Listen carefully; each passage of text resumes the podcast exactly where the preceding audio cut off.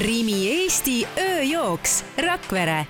neljandal juunil Väge täislinnas poolmaraton kümme kilomeetrit, Stebi viis ja Käpi lastejooksud. sooduspääsmed tagada aprilli lõpuni ööjooks.ee. jookse oma šedööver Rakveres tere tulemast kuulama podcasti Trennijutud, mina olen Maris Järva ja selles podcastis räägime tervislikust eluviisist, mida sporti harrastav inimene teadma peaks ja eriti tore, kui saaks ka midagi uut teada. tänases saates teeme juttu eestlaste seas üha populaarsemast spordialast, räägime jooksmisest ja tere tulemast sel teemal vestlema, Marko Torm! Tere Maris, tere head kuulajad! no hooaeg on alanud ja, ja teeme alguses siis kõigepealt selgeks, et kuidas ja mis mahus Eestis need äh, linnajooksud toimuvad, sest tegu on ju jooksusarjaga, eks ju, mille erijooksudest saab äh, osa võtta siis äh, terve aasta vältel, aga aga mis teil seal linnajooksudel jooksusarjas täpsemalt toimub? oi, sa nii hästi küsid, nii laialt tegelikult, et tõesti, et meil ju jooksuturg, kui nii võib öelda, on väga ägedaid sündmusi täis siin läbi, läbi suve ja hilissügisesse välja. Ja, ja kui sa puudutad linnajookse kui selliseid, siis tõesti sel aastal Rimi linnajooksude sari stardib taas vist mälu järgi juba äkki kümnendat hooaega. Ja Rakveres toimuv Eesti ööjooks, Rimi Eesti ööjooks on siis osa linnajooksude sarjast aga ööjooks ise on, võiks öelda tõesti nagu minisari ka, et, et seal on omakorda kolm erinevat Eesti ööjooksu läbi kahe hooaja, võiks isegi niimoodi öelda, et üks siis suvine ja teine talvine, toimub meil neljandal juunil Eesti ööjooks Rakveres, Neptunas Eesti ööjooks Tallinn on kolmeteistkümnendal augustil, Ülemiste City's, Ülemiste keskuse eest väga meeleoluka stardi ja finišiga ja võiks öelda, et meie ööjooksude sarja kulminatsioon saabub hoopistükkis ajaloolises Narvas, kus siis seitsmeteistkümnendal detsembril, vahetult enne pühi, tõesti medalite sadu ootab rajale minejaid ja, ja seal siis Tebi Eesti ööjooks lõpetab ööjooksude hooaja, nii et tuleb väga äge, ma usun, peale siin pikki Covidi piiranguid, inimesed ootavad, jalad sügelevad, tahaks hullult minna kuskile rajale ja me pakume tõesti kolmes erinevas linnas kahel erineval aastaajal väga kihvte elamusi. Ma rääkisin ühe teie jooksja Kertuga ja tema sõnul on äh, linnajooksude sari äh, või siis seesama ööjooksusari maailma tasemel ettevõtmine ja ta mulle nii värvikalt kirjuta-, äh, kirjeldas seda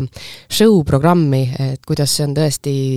tuled sähvivad, meelelahutus, muusika, see mingi üldine vibe, mis seal inimestel on. Ja et eriti tuleb see esile just ööjooksude puhul, et ilmselt seal mängib siis ka rolli juba kõik see, et hakkab hämaraks minema ja kõik on kuidagi nagu teistmoodi jaa, sa puudutad täpi pealt neid õigeid, õigeid nüansse, õigeid detaile ja Kertu ise inimesena on ju nii sümpaatne, elava loomuga ja hästi-hästi aktiivne, mida kõike tema ette ei võta, eks. aga meie alustasime kaks tuhat üksteist oli meil lausa esimene Eesti ööjooks Rakveres, aga mõned aastad siis enne tekkis see idee oma kodulinnas, mina olen rakverlane, oma kodulinnas midagi ägedat, kihvti teha ja tuli niisugune nii-öelda maratoni vaimustuse pealt, kui kaks tuhat kaheksa sai Helsingis maraton läbitud, aasta hiljem Stockholmis ja sealt see niisugune nii-öelda võistluse korraldamise kuidagi pisik jäi sisse ja, ja tõesti tollal, tollal siis mõtlesime, et, et kuidas isegi, isegi noh, kümmekond ja enam aastat tagasi välja kujunenud spordimaastikul, kuidas tulla kiiresti ja hästi pilti, et mis on see, mis nagu võimaldaks öelda, et Rakveres tehakse suuri ägedaid asju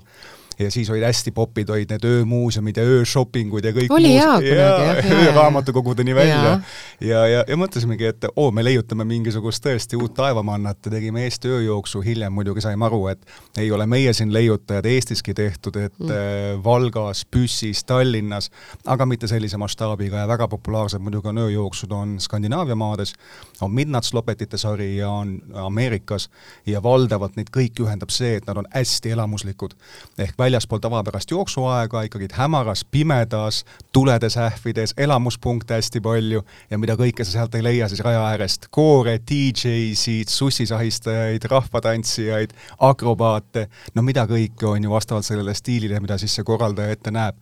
ja kuidagi ka aastate jooksul on inimesed hästi vastu võtnud, neile on meeldinud see, mida me teeme, oleme teinud kirega nagu iga korraldaja ja niisuguste oma nüanssidega, et kui kaks tuhat neliteist tõime veel sisse stardi ühtses särgis, mis siis süvendab niisugust nii-öelda õlg-õla tunnet mm -hmm. ja ühtekuuluvust ja ja ma praegugi kananahk tuleb ihule, kui ma mõtlen, kuidas linnaruumis pimedal ajal see ühtne värvimeri liigub nagu elav uss kuskil kõrgendikel ja mägedest ja tõusudest, et see on võimas, et olgu see särgi värvus siis sel aastal kas neoonkollane, oranž, must, valge, roheline, sinine või mingi, midagi muud, igal aastal see vahetub, aga just see, et inimene lahkuks meie sündmuselt suurepärase elamusega, ütleks, et vau, see oli Rakveres või see oli Ülemistes või see oli Narvas. et see on selle asja point ja tõesti teeme, teeme suure-suure hea meelega. no ööjooks ise juba täiesti geniaalsena kõlab ja jääb kohe meelde ja kui sa ütled ööjooks, siis äh, minul kangastub sellega kohe Rakvere. ma ei ole ise suur selline jooksudest osavõtja, on olnud mõned tõepoolest, aga, aga see ööjooks on kuidagi ikkagi nii teada, et see, kuidas sa kirjeldad, see tundub põnev ja lahe ja, ja miks mitte seda kõike kogeda, siis tegelikult ma kujutan ette, et ka seal ise mitte jooksjana, lihtsalt äh, pealtvaatajana saab ka kindlasti seda, seda vaibi kätte, eks ole. kui sa niimoodi räägid, siis mul tekkis praegu täiesti selline avantüristlik mõte, et kui me lõpetame täna selle podcast'i, ma oleksin ebaõnnestunud, kui mul ei õnnestuks sind möllida vähemalt ühele ööjooksule, olgu see siis Tallinnas kolmteist august mm. või Rakveres neljas juuni või Narvas kogunisti seitseteist detsember. detsember kindlasti mitte nii et vaatame seda asja pärast veel salvestust. aga kui sa selle juba teemaks tõid, siis eks minusuguseid on kindlasti veel, et kes ei ole väga palju nendel jooksudel osa võtnud, aga aga ma olen ka aru saanud, et need on lahedad üritused ja täiesti miks mitte, aga kui mul ei ole seda vormi, kui mul ei ole seda jooksuvormi, vormistan jooksuharjumust, ma käin ainult äh, jalutamas tempokalt, sest et äh, mul on koer, kes ei luba mul toas istuda, aga oletame jah, et ma tõesti ütleks praegu, et hästi, teeme näiteks, ma ei tea, augustis või ma ei tea, kas ma saaks äh, juunis ennast vormi, aga tähele muidugi tasuks panna ka seda, et et päris kardinaalset elustiili muutust ei tule, et äh, kuidas täiesti tavaline inimene, kes mõtleb, et ma tahaksin nüüd ka selle jooksu kaasa teha äh,, kui pikk peaks olema see ettevalmistusaeg, et ma saaksin kuidagi ennast sellisesse konditsiooni, et ma endale liiga ei tee ja, ja mul on fun ja et, et ma samas jaksan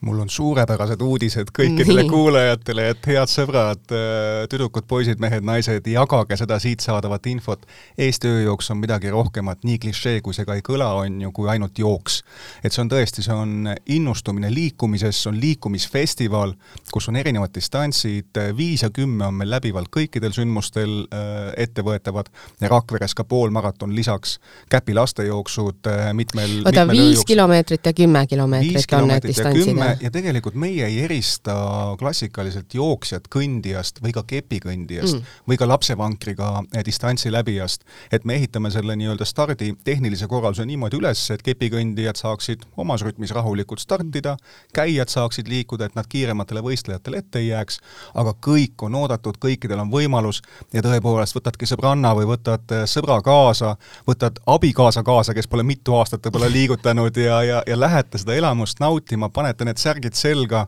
ja võtad rahuliku tempo enda jaoks, alguses käid kiirkõnd, vaatad, kas mõned jooksusammud tulevad, kui tõesti aastatepikkune paus on sisse jäänud ja mitte midagi sellest ei ole. ja see tunne, see tunne, kui sa Rakveres esindusstaadioni need viimased kolmsada meetrit käed taeva poole finišeerud nagu olümpiasangar, see on võimas. või Ülemiste City's täiesti urban keskkond on ju, kus sul on mm -hmm. kõrghoonestus, täiesti uus linnajagu lennujaama kõrval ja tuled Ülemiste keskuse ees, möll käib, tulemöll käib, eks, ja sa, ja sa finišeerus ja tunned vau wow, ja sa saad selle medali kaela, tunnustuse selle pika ettevõetud nii-öelda raja eest, aga, aga lõpetades tunned, et oi, läksin viiele, aga oleks võinud teha ikka kümme, et see inimestega koos liikumine, see annab hoopis teistsuguse energia. Aa, see on, see on uus info kusjuures jah, et jääb selline mulje, et ikkagi justkui selline väike maraton ja nüüd ma jooksen ja ma olen siin näinud küll igasuguseid inimesi, kes võtavad ette suuremat sorti spordivõistlusi ja, ja räägivad, kuidas nad poole aasta jooksul valmistuvad, kuidas neil on eratreenerid, kuidas neil on eh, toitumisspetsialistid, kuidas neile tehakse need hullud suured kavad. Ja siis sellest kõigest jääbki mulje, et ai, ai, ai, et see on mingi, see on juba mingi sportlaste värk jah, mulle tundubki, et äh, ööjooksu võib-olla üks fenomen või üks tugevus on olnud läbi aastate see, et inimesed on tulnud siia, ka väga paljud osalejad, just otsima elamust, mis ühtlasi on ka tervisespordiüritus, ühtlasi on ka liikumine. et mitte vastupidi, et loomulikult meil on väga palju võistlejaid, kes tulevad rekordeid murdma ja purustama mm -hmm. ja oma parimat aega jooksma ja ka, ka nendele peame nii-öelda pakkuma väga kvaliteetset teenindust ja kiireid radu, aga, aga pluss kindlasti on see, et, et see nii-öelda lävend pealetulekuks on väga madal, nii et mhm. tõesti võib tulla kepi kõndima, kõndima, jalutama ja nautima seda melu lihtsalt. no see on, see on lahe, et ei ole eraldi, et nii, teie olete nüüd need kõndijad, teie oodake siin, et las need jooksjad nüüd stardivad, et et on ikkagi selline, selline ühisstart ja, ja igaüks siis äh, läheb, nagu ta läheb jaa, ja mis on aastate jooksul ka väga hästi vastu võetud, on äh, loomulikult see stardieelne melu. et ma ise peakorraldajana ka olen nii-öelda algusest peale selle kontseptsiooni sealt enda jaoks välja mõelnud ja meie meeskond toetab et, et viiskümmend protsenti öö jooksul saadavast elamusest tegelikult antakse enne stardilähet. ehk see mm., mida sa teed seal nii-öelda stardikoridoris, kuidas meie suurepärased soojendajad, ergutajad, DJ-d panevad selle nii-öelda tempo peale mm, -hmm. Merle Laud, kes on ikooniline soojendusvõimleja, Rakverest ja MyFitnessi üks tegijatest, tema suudab selle rahva alati niimoodi käivitada, et see mm. elavate käte meri ja laine, mis sealt hakkab liikuma, et see on midagi sellist, kus sa tunned, et no nüüd, no nüüd, laske see mm. pauk ära, et ma tahaks juba minna, eks. ja siis need lähted, kui lähevad, et siis on see energia sees ja siis on juba niisugune klassikaline liikumine linnaruumis, mis on ka üks väga kõva argument, on see, et me ühtegi oma rada ei suuna ei maanteele, ei metsa, kõik on aktiivses linnaruumis, linnatsoonis, nii et tõesti, et ma naljatlemisi ütlen ka, et, et Rakvere puhul see on nagu New York Yorgi maratoni Five Boroughs, et sa eh, viite erinevat piirkonda katad. on korterelamutsoonid, on eramute nii-öelda majade ümbrus, on kesklinn, on vanalinn ja sa kõike näed, et loomulikult me radu alati ehitades ka püüame niimoodi nad üles seada, et parimad vaatamisväärsused oleksid linnaruumis esile toodud, nii et inimesed näeksid ka uute radade puhul mm. alati uusi nüansse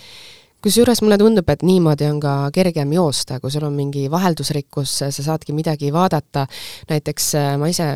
muidugi on väga tore metsas käia ja, ja koeraga väga tihti ma seal jalutan, siis mets on kohe kodu kõrval, aga vahel ma tunnen, et ma ei jaksa enam, need ühed samad puud, need ühed samad teed, et võtan ta vahele ja lähmegi kuhugi linna vahele jalutama. aeg läheb kuidagi kiiremini, äh, noh, ma ei saa, ma ei saa öelda, kas meil mõlemal just, eks, aga, aga endal küll, et äh,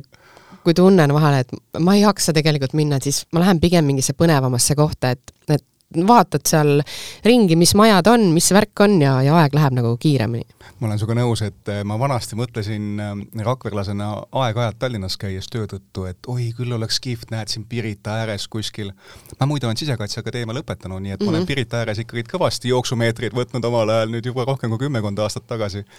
aga, aga mõtlesin, et küll oleks kihvt, et Pirdale minna kogu aeg teeks trenni. ja nüüd minu elu on niimoodi seatud, et ma osaliselt elan, elangi Tallinnas ja, ja, ja nii-öelda Rakvere ja Tallinna vahel oma elu korraldan ja ega enam iga päev sinna Pirdale ikkagi mm -hmm. trenni ei taha -hmm. minna, et ilus on see meri ja mereäärne küll, aga otsid ka Põhja-Tallinnat ja ongi, Plessnerist läbi. eks ju, et väga ilus küll, aga, aga lihtsalt üksluine, on. aga mm, Tallinnas peetav distants toimub siis Ülemiste City's kui kaua te Tallinnas seda üldse teinud olete? nii nagu öeldud, kaks tuhat üksteist me Rakveres alustasime ja, ja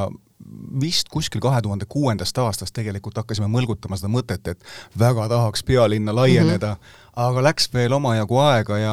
ja taganttvaates muidugi tuleb tunnistada, et see laienemine pealinna sattus ikka no tõeliselt halvale ajale, kaks tuhat kakskümmend sügis, Covidi epitseenter, eks. mm, -hmm. aga ma olen väga tänulik nii Ülemiste keskusele, Ülemiste City arendajatele, Mainor Ülemistest ja Tallinna linnale, kes lõpuks ikkagi selle loa meile ürituse korraldamiseks väljastasid, uskusid meisse, me olime tegelikult tollal ka esimene võistlus, mis sellises mahus sai toimuda ja meil oli lausa nii, et kõik start starti ilmunud inimesed kandsid maski ja said maski eemaldada alles siis nii-öelda mõned sajad meetrid peale stardi läbimist mm. -hmm. et see oli kõik väga uuenduslik, hoopis teistmoodi, aga müts maha osalejate ees, kes tulid, uskusid ja noh, nägid, et kui raju tegelikult võib olla Ülemiste City's üks ööjooks, nii et ma arvan, et seal on ainult kasvutendents ja ja arvestades, kui palju on potentsiaalseid tarbijaid, muidu huvitav on teada, et ka üle kuuekümne protsendi Rakvere osalejatest on Harjumaalt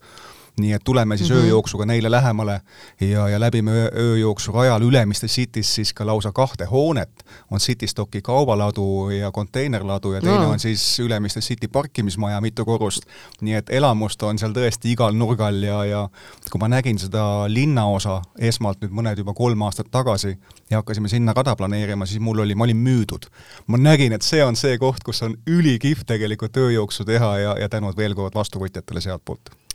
jah, Ülemiste City, ma olen ise Tallinna elanik, aga aga ausalt öeldes see on seal nii kiiresti arenenud, et äh, kui sinna otseselt asja ei ole, siis äh, ega ei olegi seal väga ringi isegi jalutanud, et see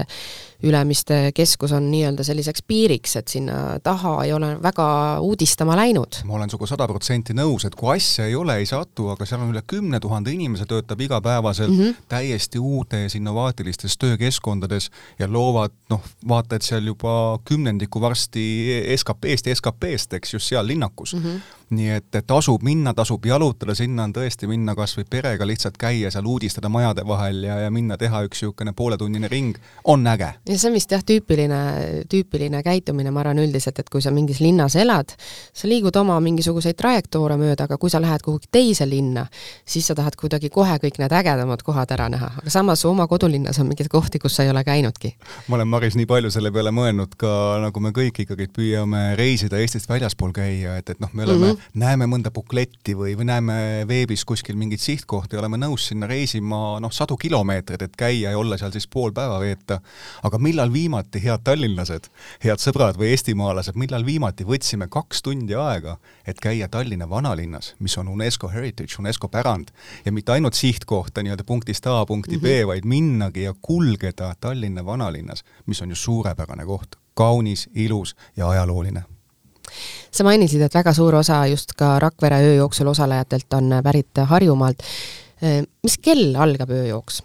Meil on nüüd niimoodi, et sel aastal ongi väga-väga põnevad uuendused, et kui eelmisel aastal said ööjooksu fännid nautida kahte ööjooksu augustikuus, kahenädalase vahega, siis sel aastal oleme läinud tagasi Rakveres juurte juurde. võib-olla paljud osalejad, eriti noorem põlvkond, ei mäletagi, et Eesti ööjooks Rakveres sai alguse tegelikult juuni teisest nädalavahetusest. ehk valgete ööde tingimustes ja minul on väga hästi korraldajana meeles veel, esimesel aastal meil oli kaks tuhat kakssada osalejat, teine aasta kuus tuhat kolmsada ja kolmandal aastal ka juuni alguses üle kaheksa tuhande inimese nii et äh, me kasvasime kaheksa tuhande pluss äh, osalejaga sündmuseks just juuni valgetes öödes ning sel aastal on väike niisugune retrolüke, et me läheme tagasi oma juurte juurde ja pakume loodetavasti siis seeläbi veelgi rohkem erinevaid elamusi, küll ööjooksu formaadis, aga erinevaid elamusi oma osalejatele. et kes on ööjooksu fänn, saab siis nii-öelda valgeid öid nautida Rakveres, tõesti hämarat ja pimedat ja urban sellist nii-öelda LED-tehnoloogia esinejatega ööjooksu Ülemistes City's augustis, augustis ja talvist formaati siis juba Stebi eestööjooks Narva talvel, seitsmeteistkümnendal detsembril. Aga võtame näiteks selle augusti jooksu, et mis, mis kell see alguse saab, ma ütlen noh, ööjooks, et milleks ma pean valmis olema, et kas, kas kaheksa saab starti või, või pean ma ootama nagu ööklubi esinejad, et enne kahte peale ei saa